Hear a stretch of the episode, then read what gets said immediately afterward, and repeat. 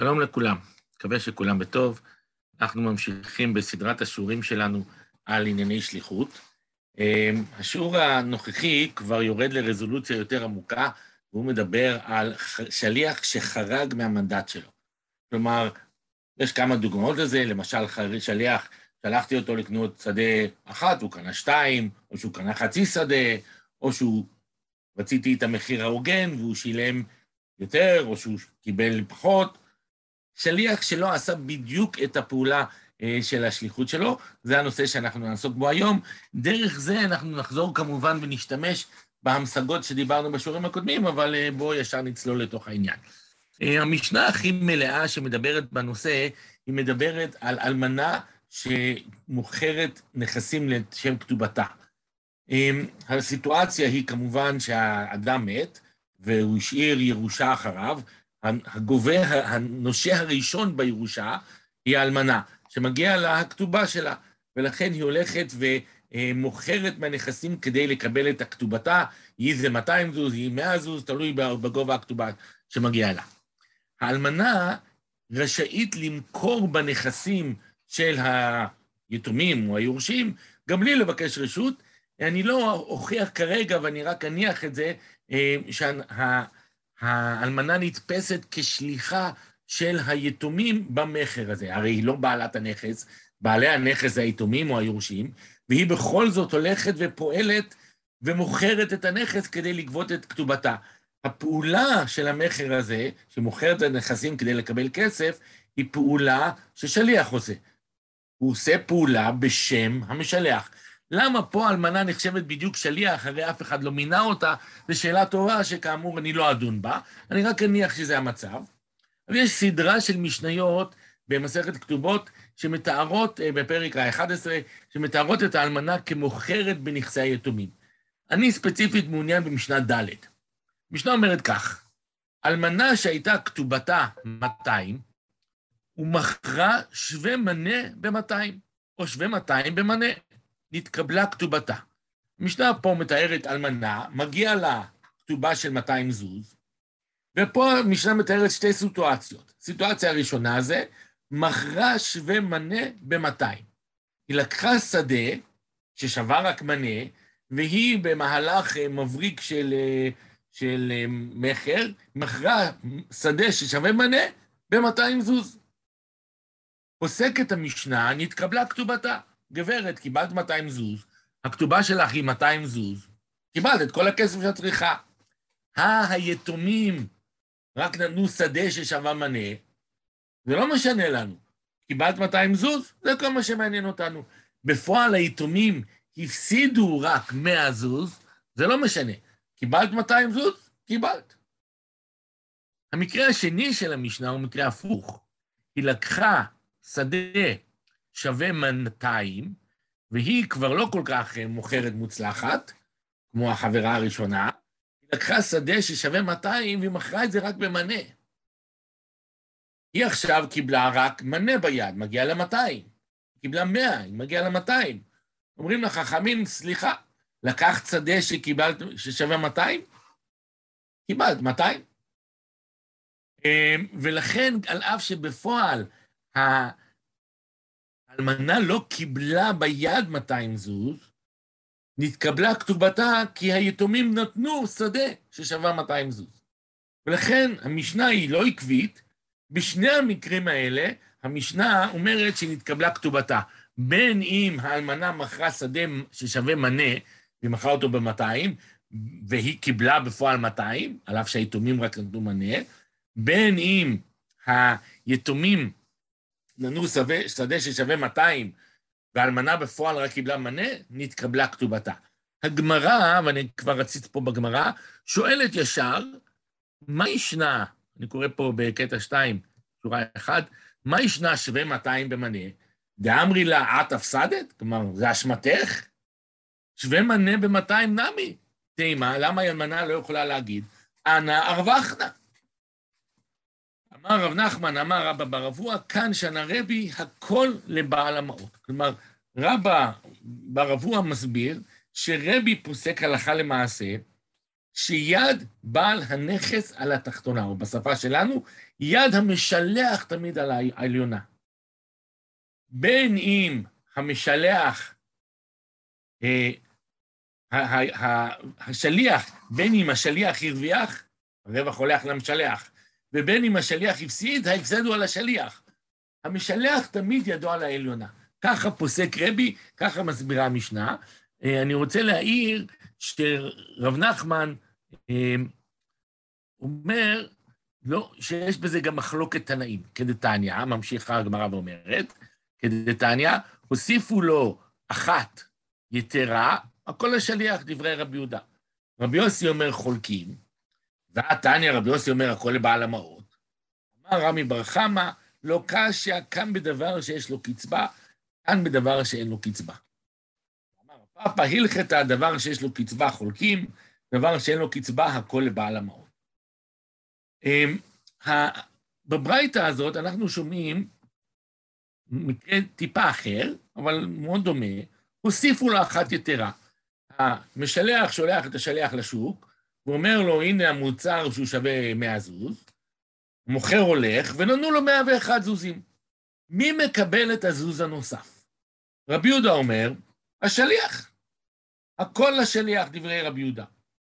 ורבי יוסי, לפי דברי רמי בר חמא, אומר, לא, לפעמים הזוז הנוסף הולך למשלח, לפעמים יחלוקו. אבל בואו נדבר קודם על עמדת רבי יהודה. רבי יהודה בא ואומר, הכל לשליח. למה? מי הרוויח פה? מי שעשה את הפעולה. מי עשה את פעולת הקניין? מי מכר דה פקטו את החפץ ששווה 100 וקיבל ברוב חוכמתו 101? השליח. אז מי שהרוויח זה השליח. זה דברי רבי יהודה.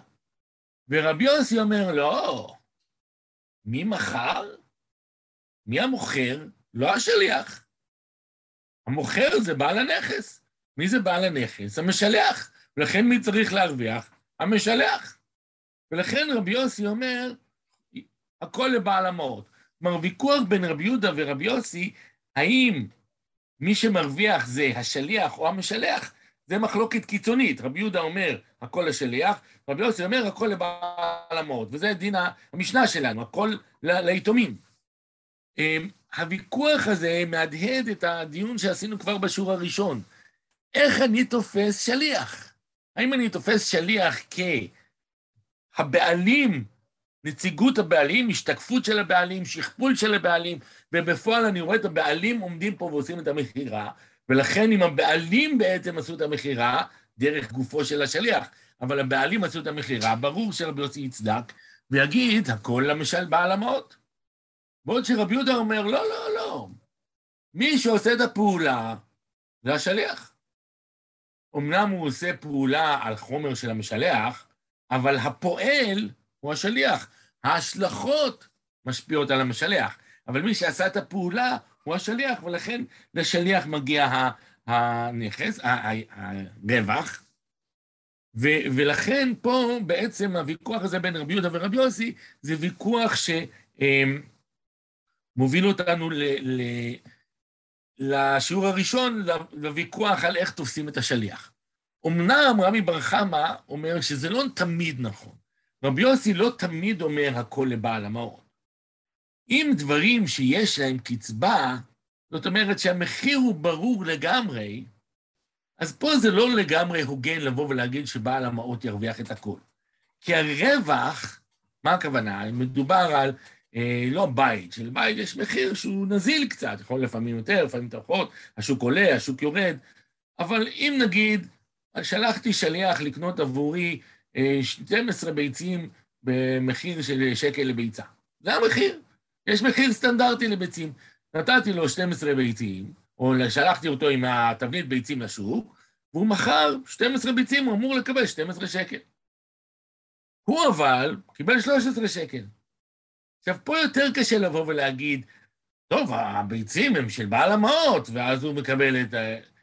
לביצים באמת אין ציפייה שהביצים האלה יניבו יותר מ-12 שקלים.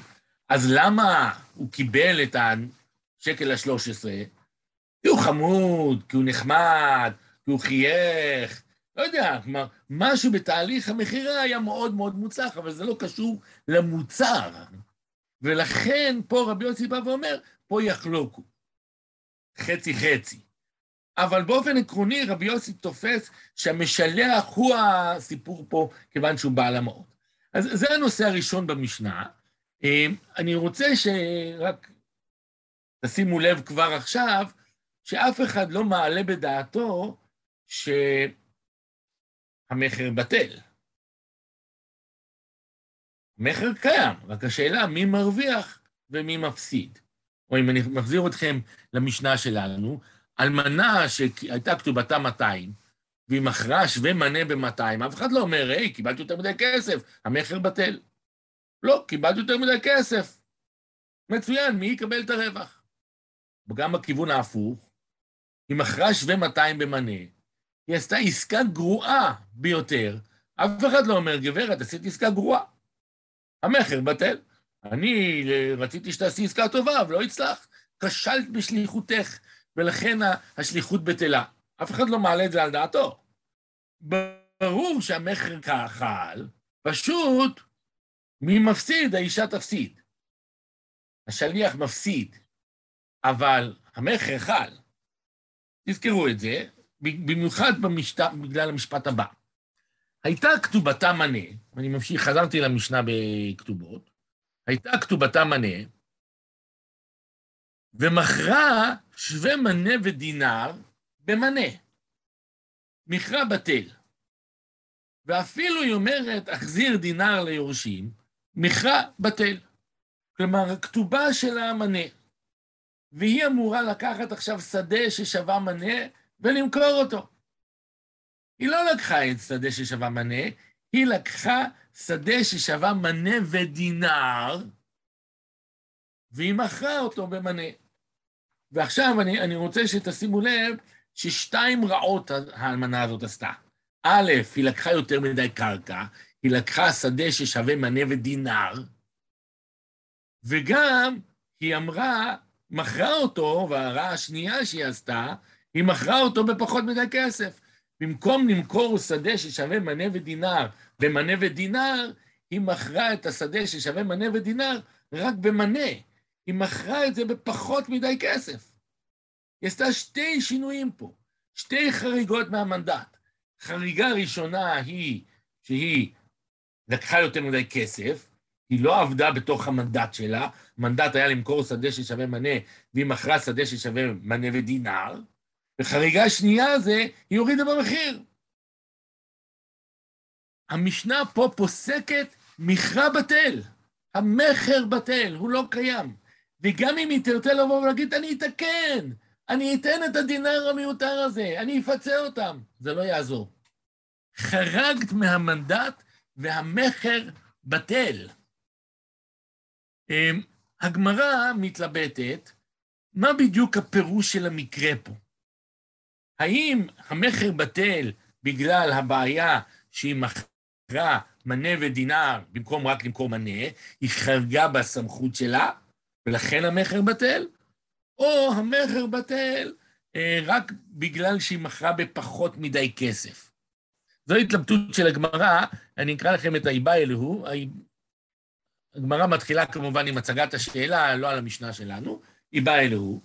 אמר להמשלח לשליח, זבין לי ליטחה, כלומר, תקנה לי, אה, תמכור לי חצ, קרקע של חצי קור, ליטחה. ואז על וזבין לקורה. הלך השליח, במקום למכור קרקע של חצי קור, הוא מכר קרקע של קור שלם, פי שתיים. מאי? מוסיף על דבריו הוא וליטחה מי הקני, או דילמה מעביר על דבריו הוא וליטחה נמי לא קני. האם אני אבוא ואגיד, תראה, השליחות הייתה למכור חצי קור, לכן המכר של החצי קור קיים, פשוט החצי השני המכר בטל. משהו חרג, המכר בטל. אבל על החלק שהשליח עשה כשליחותו, החצי קור יהיה קיים. התוספת שהשליח עשה ביוזמתו, זה יתבטל. או שאני אגיד, לא, לא, לא, ברגע שעשית משהו מחוץ למנדט, מעביר על דבריו, וכל המכר בטל. זו ההתלבטות של הגמרא. מנסה הגמרא להביא ראייה מהמשנה שלנו, כי האישה הזאת מכרה כתובה קרקע של מנה, במקום למכור קרקע של מנה, היא מכרה קרקע של מנה ודינר, היא הגדילה את, ה, את החלק הנמכר, והמשנה אמרה מכר בטל. סימן שברגע שהשליח חרג משליחותו, כל המכר קורס. עונה הגמרא, לא, לא, לא, לא. הסיבה שהמכר בטל זה בגלל שהאלמנה הזאת מכרה בפחות מדי. היא עשתה, זה לא בגלל שהיא מכרה יותר מדי קרקע, זה בגלל שהיא הרוויחה פחות מדי כסף. ולכן, ה... זה דברי רב הונא, בדאוזיל, כיוון שהיא מכרה בזול יותר, אה, לכן זה לא עובד. אבל אם היא מכרה במחיר הנכון, זה שהיא מכרה מנה, אה, קרקע ששווה מינר וד... מנה ודינר, ולא רק קרקע ששווה מנה, זה לא יבטל את המקח, זה יבטל את הדינר הנוסף, אבל את המכר עצמו זה לא בטל. זו, זו מסקנת הגמרא. אמ, אני רוצה אבל שתבינו שיש עדיין בעיה במשנה. אני אסכם אולי את שלושה דברים שראינו במשנה.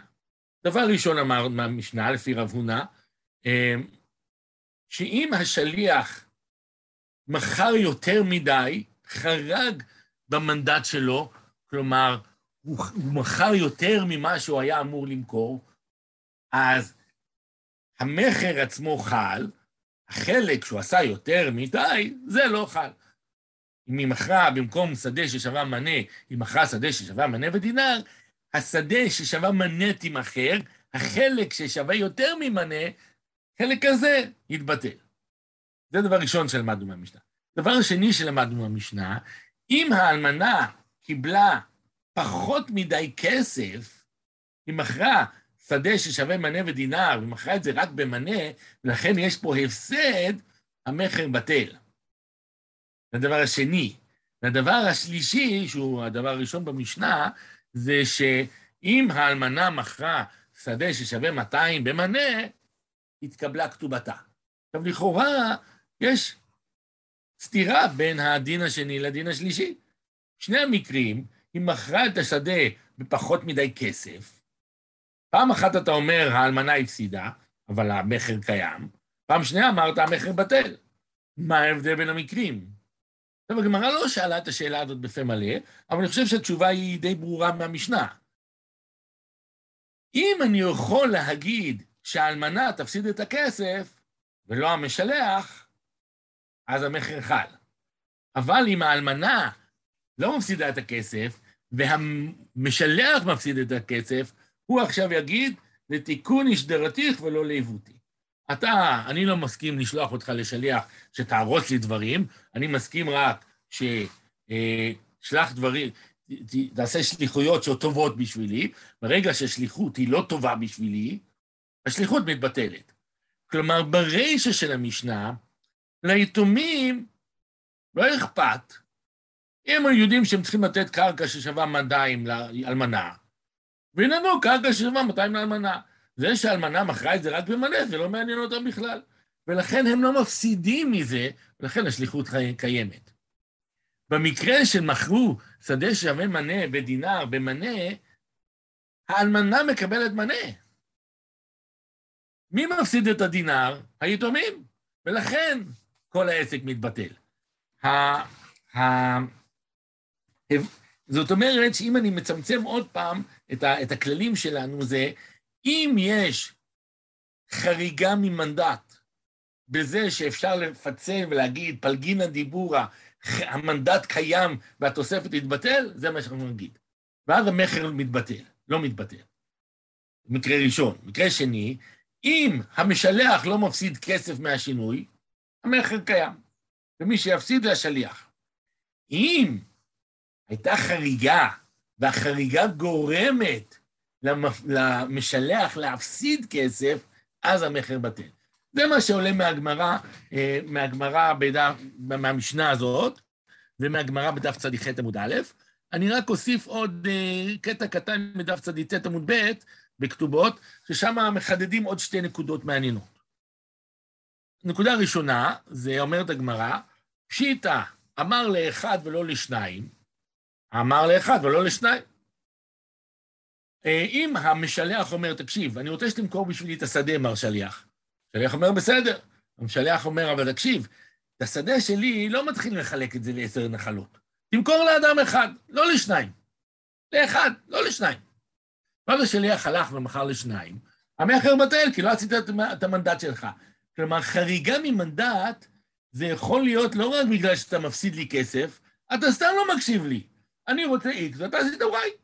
ואז עוד פעם, המשלח לא מייצג, השליח לא מייצג את המשלח, ולכן המכר בטל. אז זה הערה מספר אחת. הערה מספר שתיים, הגמרא אומרת, אני לא אכנס לכל הניואנסים, פשוט מפאת קוצר הזמן, אמ, פונים המוראים לרב נחמן ואומרים, מה קורה אם השליח טע, הוא מכר שדה ששווה מנה, והוא מכר את זה ב-99 זוז ולא ב-100. 99 זוז זה לא טעות כל כך גדולה, זה טעות פחות משישית. ובאופן כללי, זה לא טעות שנחשב בגלל שבגללה מבטלים עסקאות בהלכות הונאה. מה עוד שרב נחמן חושב שאין הונאה לקרקעות. אומר רב נחמן, לא, לא, לא. גם אם השליח יטעה בעשירית הזוז, המכר בטל. למה? תראו שורה שש. הני מילי איכא דטעה בעל הבית.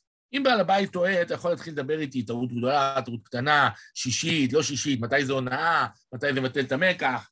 זה כשבעל הבית טועה.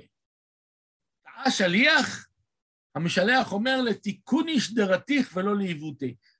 שלחתי אותך לתק, לתקן דברים, לעשות דברים חיוביים, עשית דבר שלילי. אפילו אם זה בעשירית האחוז, זה שלילי. השליחות בטלה. בסדר? אז זה רק אה, מחדד את העיקרון הזה. ברגע שבעל הבית אה, נפגע, אה, עד כאן זה, זה הגמרא בדף צ"ט. אה, אני רוצה לאתגר את הסיפור מגמרא בדף קס"ט. הגמרא אומרת כך, סליחה, בבבא בתרא, דף קס"ט.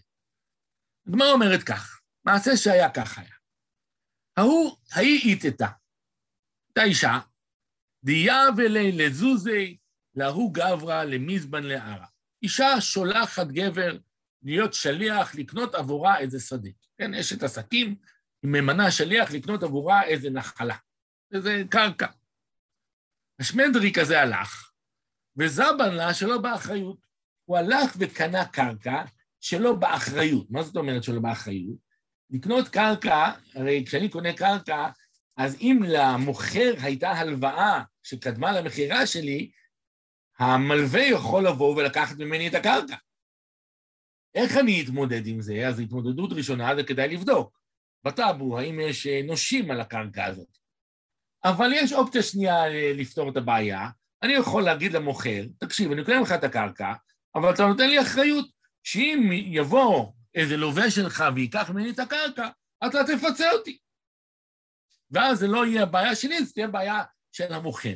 לזה קוראים אחריות. עכשיו, השליח השמדריק שלנו הלך וקנה קרקע, והוא קנה את זה בלי אחריות.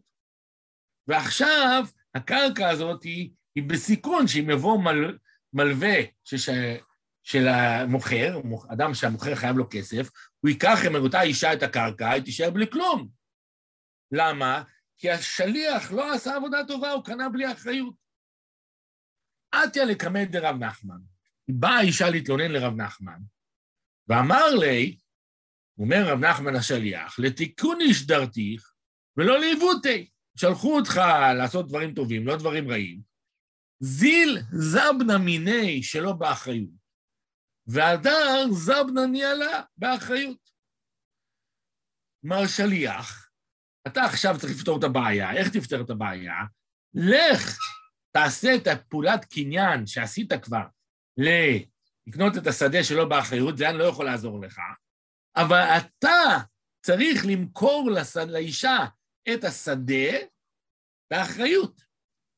ואז יוצא שהשליח מפסיד פה. השליח אה, מפסיד כיוון שהוא עכשיו צריך לתת את האחריות. זאת אומרת, עכשיו יוצא שהשליח קנה שלו באחריות ומוכר באחריות, ואת כל נטל האחריות זה על גבו של השליח. ככה פוסק רב נחמן בבבא בתרא דף קס"ט. עכשיו, הבעיה היא שאותו רב נחמן בכתובות אמר שברגע שהשליח עשה דבר שלתיקוני ולא לעיוותי, הוא עשה דבר לעיוותי, המכר בטל. ברגע שהמשלח מפסיד משהו, המכר בטל. הרי רב נחמן אמר, ברגע שמכרת שדה ששווה דינר ומנה ומכרת את זה במנה, אפילו באפסות המחיר, המכר בטל, כי לתיקוני שדרתיך ולא לעיוותי. ככה אמר רב נחמן.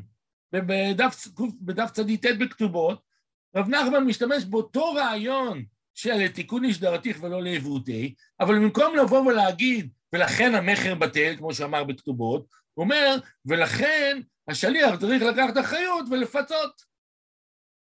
זה לא אותו פסיקה.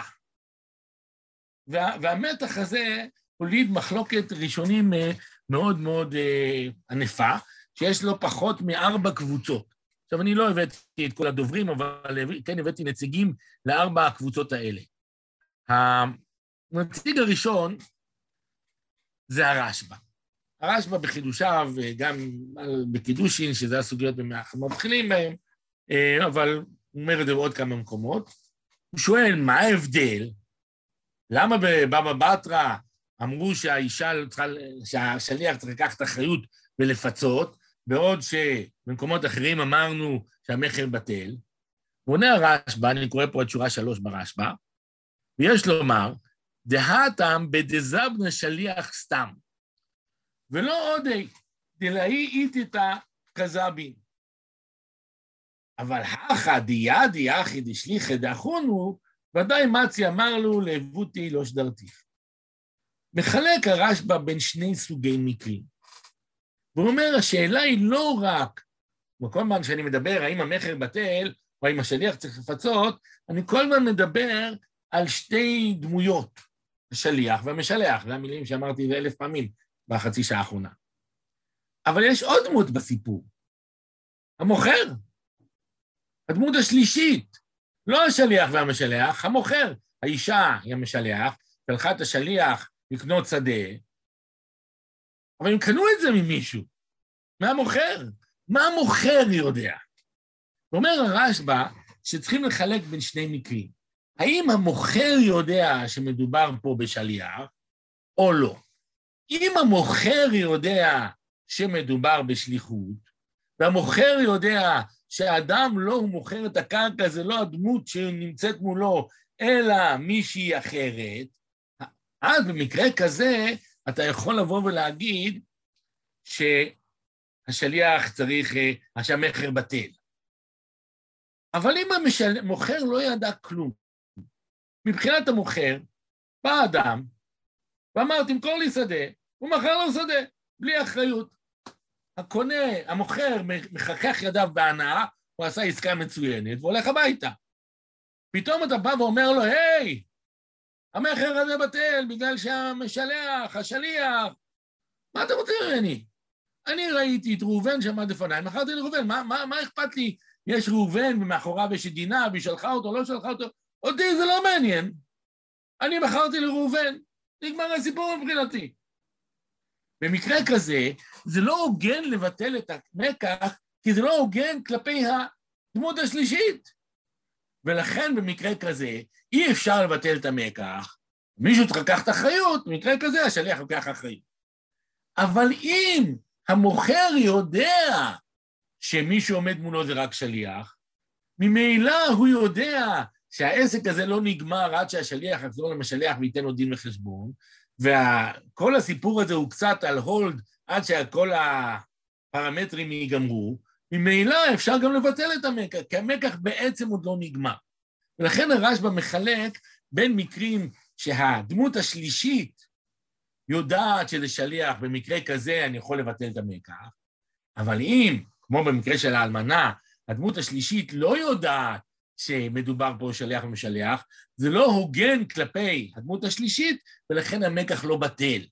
במקרים כאלה, השליח, השליח צריך לפצות. ככה מסביר uh, uh, הרשב"א, ככה יש כאלה שגם הבינו בעמדת הרמב"ם, אה, ודייקו משפת הרמב"ם, שגם הוא חושב את זה ככה, אבל סביב הרמב"ם יש באמת ויכוח מאוד מאוד גדול באיזה קבוצה הוא נמצא, אז אני אשאיר את זה בינתיים, רק תדעו שבאמת הרייבד לפחות ככה הבין גם את עמדת הרמב"ם. הרייבד, וזו הדמות השנייה שאני רוצה להצביע עליה, חולק. והרייבד אומר אה, שזה לא נשמע לו. והוא מביא פירוש אחר.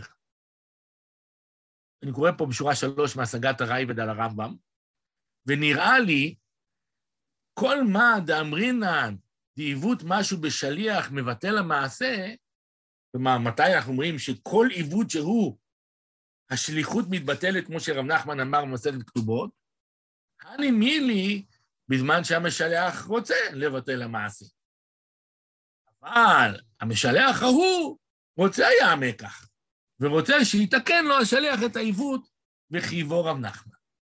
וכן הדין לכל שליחות. בא רב נחמן, בא הרייבד ואומר, תקשיב, כאשר השליח בא ואומר, עשה, עשה פשלה, מכר בפחות מדי.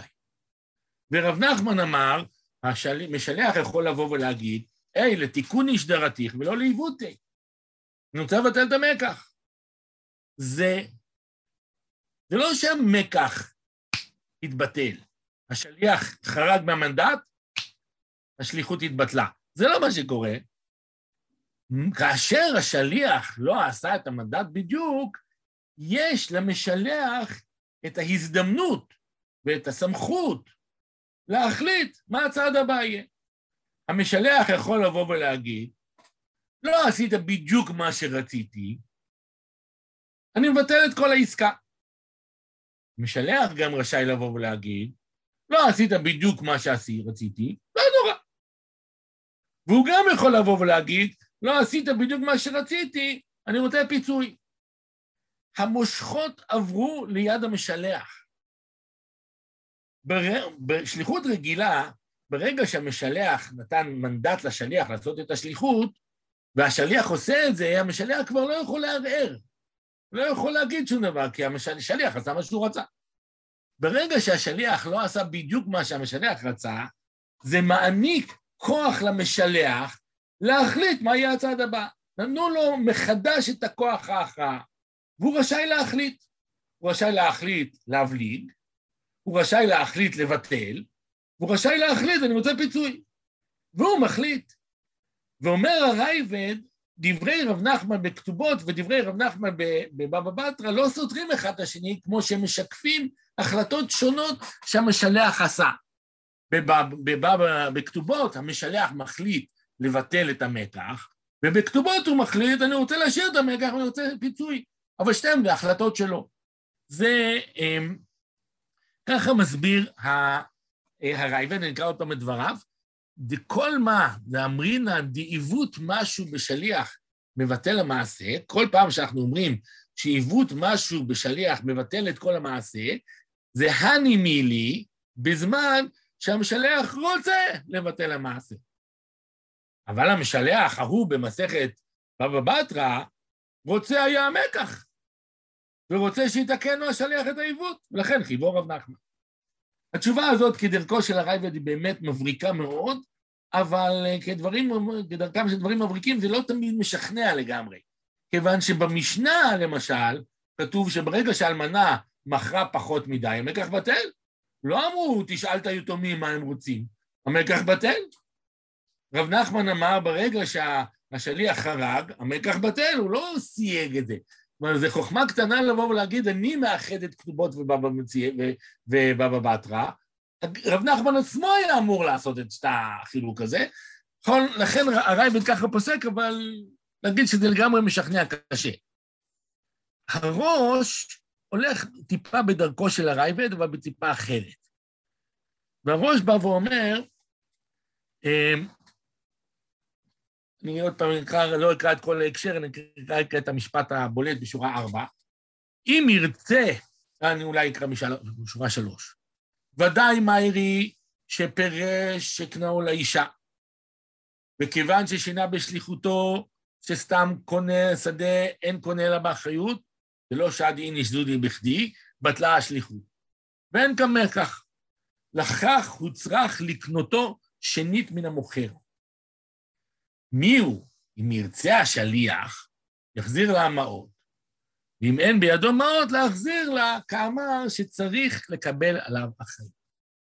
כלומר, הראש בא ואומר, תקשיב, ברור לגמרי שברגע שהשליח, אה, השליח חרג מהמנדט, כמו שעשיתי קודם, השליחות בטלה. וברגע שהשליח חרג, המכר מעולם לא קיים. אז זה עמדת רב נחמן, זו עמדת המשנה, זה באמת הפשט. המקח בטל, לא יהיה מכר בכלל, כי השליחות בטלה. ואומר רב, רב ש... הראש, ואני ודאי צודק שזה כך, כי אם אתם זוכרים את הפסיקה של רב נחמן, הוא אמר לאותו שליח, לך קנה אתה מיד, מיד, מיד המוכר את השדה שלו באחריות, ותמכור אתה לאישה באחריות. למה רב נחמן אומר, לך תקנה את השדה מיד המוכר? הוא כבר קנה את השדה. למה הוא צריך לקנות את השדה עוד פעם? אלא אומר הראש, המכר לא חל. המכר שנעשה בשליחות האישה לא חל כי השליח חרג מהמנדט. המכר מעולם לא חל. ולכן פסק של רב נחמן היה מצריך להגיד אותו, לך תקנה עוד פעם, אבל הפעם אתה תקנה, ולא באחריות, ותמכור לאישה באחריות. לכן לעשות קניין עוד פעם, כי הקניין המקורי לא חל. אז למה רב נחמן לא אומר פשוט בטל המקח? כי פה השליח מרגיש רע. השליח אומר, חטאתי, אביתי, פשעתי, אני רוצה לפצות. אתה רוצה לפצות? בבקשה, תפצה. תקנה שלא באחריות, ותמכור באחריות, ואז המצפון שלך יהיה שקט. או דוגמה אחרת, שאותה הראש מביא, ברגע שהמכר בטל, השליח צריך להחזיר את הכסף למשל... לאלמנה, למשלחת, לאישה הזאת. ואין לו כסף, איבד את הכסף. מה הוא יעשה? מציע לו רב, רב נחמן פטנט. תמכור, אל תחזיר את הכסף, תמכור באחריות, ואז לעתיד לבוא תצטרך לפצות. אבל כל זה זה בגלל שהשליח רוצה. הוא מאוד מאוד דומה לרייבד בזה שהוא בא ואומר, זה לא סוף פסוק, אבל הוא שונה מהרייבד פעמיים. הרייבד אמר, המכר חל. פשוט, המשלח יכול לבטל את המקח, הוא יכול להשאיר את המקח, הוא יכול לדרוש פיצוי. המושכות אצל המשלח. הראש אומר, לא, לא, לא, המכר בטל. פשוט רב נחמן מעניק הזדמנות לשליח לפצות מכל מיני סיבות. אני אמרתי, מצפון, הראש אומר כי אין לו כסף. אבל השליח רשאי לפצות, ולכן ליצור מחדש את המקח ולפצות. וזו הזדמנות לשליח. ולכן הוא שונה מהרייבד, פעמיים, הוא שונה מהרייבד, כי הרייבד אמר שהמכר לא בהכרח בטל, והראש אומר המכר בהכרח בטל, ושנית, ההבדל הוא ביד מי המושכות. המושכות ביד, אה, אצל הרייבד, המושכות הן ביד השליח, המשלח, ועוד של הראש המושכות ביד השליח. אה, העמדה הרביעית זה עמדת הרייבד. עוד פעם הרייבד. אה, אבל פשוט הרייבד היה יהודי שחזר בו הרבה מאוד פעמים. אמר דברים, שינה דעתו הרבה מאוד פעמים, מאוד יצירתי. אז יש לנו את הרייבד בחידושיו אה, על הרמב"ם, בהשגות על הרמב"ם, יש לנו גם כל מיני מקורות מהרייבד מחידושיו לש"ס, חלק מהמסכתות יש לנו ממש את החידושים, בעבודה זרה ובקמה, ברוב המסכתות יש לנו ציטוטים מהרייבד, אז פה זה אחד הציטוטים, הרבה ראשונים הביאו את הרייבד הזה, אה, והוא אומר, קצת קשה לקרוא אותו, אז אני אסביר את העמדה שלו בעל פה. הוא בא ואומר, תראה, מה הבעיה שאני מנסה לפתור? לפעמים הרב נחמן אמר שהמכר בטל, לפעמים רב נחמן אמר שהמכר קיים, אבל צריך, אה, השליח צריך לפצות. מה ההבדל? והרייבד עונה, תלוי, אני אולי אקרא, כן אקרא משפט אחד. אה, הרייבד אומר פה בשורה אחת, כל מקום שהשליח משנה שליחותו, שליח משלם והמעשה קיים. זה ברור בכמה מקומות. ואז שורה שתיים, אבל היכא דלא שני ולא קרוב לשינוי, מעשיו בטלים לגמרי. כלומר, וככה לפחות החזון איש מסביר את הדברים שלו, אני לא לגמרי משוכנע שזה אכן הפשט, אבל החזון איש אומר, בואו נבדוק את מעשה השליח. מה השליח עשה? יש לפעמים שליח שהוא פשוט טעה. הוא מכר שווה מנה ודינר במנה, טעות קטנה, זה, זה פחות מאחוז, טעות, קורה. ויש, אמ, ויש טעות שזה לא טעות, זה זדון, זה ממש מעשה חתרני. כאשר שליח אמ, טועה, אז אני בא ואומר, תקשיב, אתה, אה, אתה שליח, טעית, מה אני אעשה? ולכן אני לא יכול להגיד שהמעשה קיים, כי לא עשית את המעשה הנכון, ואני גם לא מאשים אותך בשום דבר, כי סך הכל טעית. ולכן במעשה של טעות סבירה, אני אומר, המעשה בטל, והשליח לא אחראי בכלום. אבל אם המעשה הוא מעשה חתרני, ומעשה שזה לא טעות סבירה, אז אני מאשים את השליח, ואני מאשים את השליח, הוא צריך לפצות. כאשר האדם הולך וקונה שדה, והוא לא לוקח אחריות, זאת לא טעות סבירה. כל שדה קונים עם אחריות. אף אחד לא הולך וקונה דירה בלי לבדוק בטאבו. ואתה הלכת וקנית בלי לבדוק בטאבו, לא יכול להיות. מה זה השטויות האלה? איך קנית דירה בלי עורך דין? הטעות הזאת היא טעות כל כך שקופה, שאני רואה במעשה חתרני, ואני מאשים את השליח ולכן הוא צריך להיענש. והעונש שלו הוא שהוא צריך לשלם. לעומת זאת, אם הטעות טעות סבירה, אז אני לא מאשים את השליח, יותר ממה שהייתי מאשים את הבעל הבית.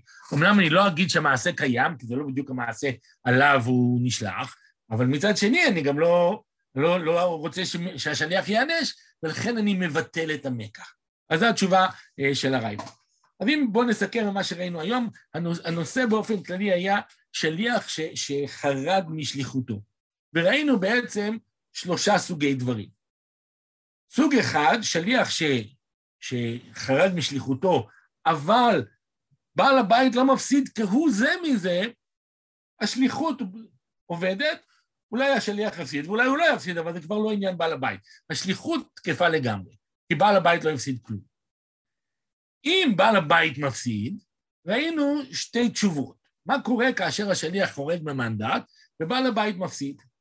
לפעמים אמרנו, המקח בטל, לפעמים אמרנו, המקח קיים והשליח צריך לפצות אותו, גם שליח. ראינו ארבעה פירושים בראשונים מה, מה הקריטריון, כי באמת בגמרא הקריטריון לא ברור. וארבעת הכיוונים בראשונים היו, הכיוון הראשון היה יודעת, הרשב"א וראשונים רבים רבים רבים, והשולחן ערוך ככה גם פוסק הלכה למעשה, תלוי מה ידע הדמות השלישית בסיפור. אם הדמות השלישית ידעה שמדובר על שליח, אפשר לבטל את המקח. אבל אם הדמות השלישית לא ידעה על זה, זה לא הוגן כלפיו לבטל את המקח, ולכן המקח חי וקיים, ואז מי יישא בתוצאות? השליח נושא בתוצאות.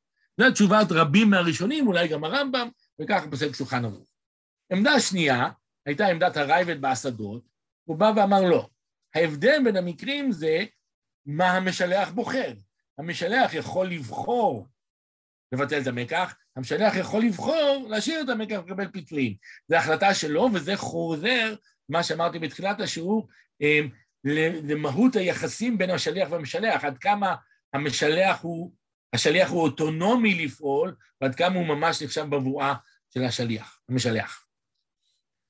ההסבר השלישי היה הסבר של הראש, שאמר, המקח בטל תמיד, תמיד המקח בטל. סוגיה אחת באה ואמרה, אבל אם משום מה השליח רוצה להחיות מחדש את המקח, השליח רשאי לעשות את זה. וההסבר האחרון היה הסבר של הרייבד בחידושים, שהוא בא ואמר, אני, לפ... באופן כללי המקח יהיה בטל, אבל רק כאשר אני לא מאשים את השליח ב... ב... בהתנהגות מתרשלת.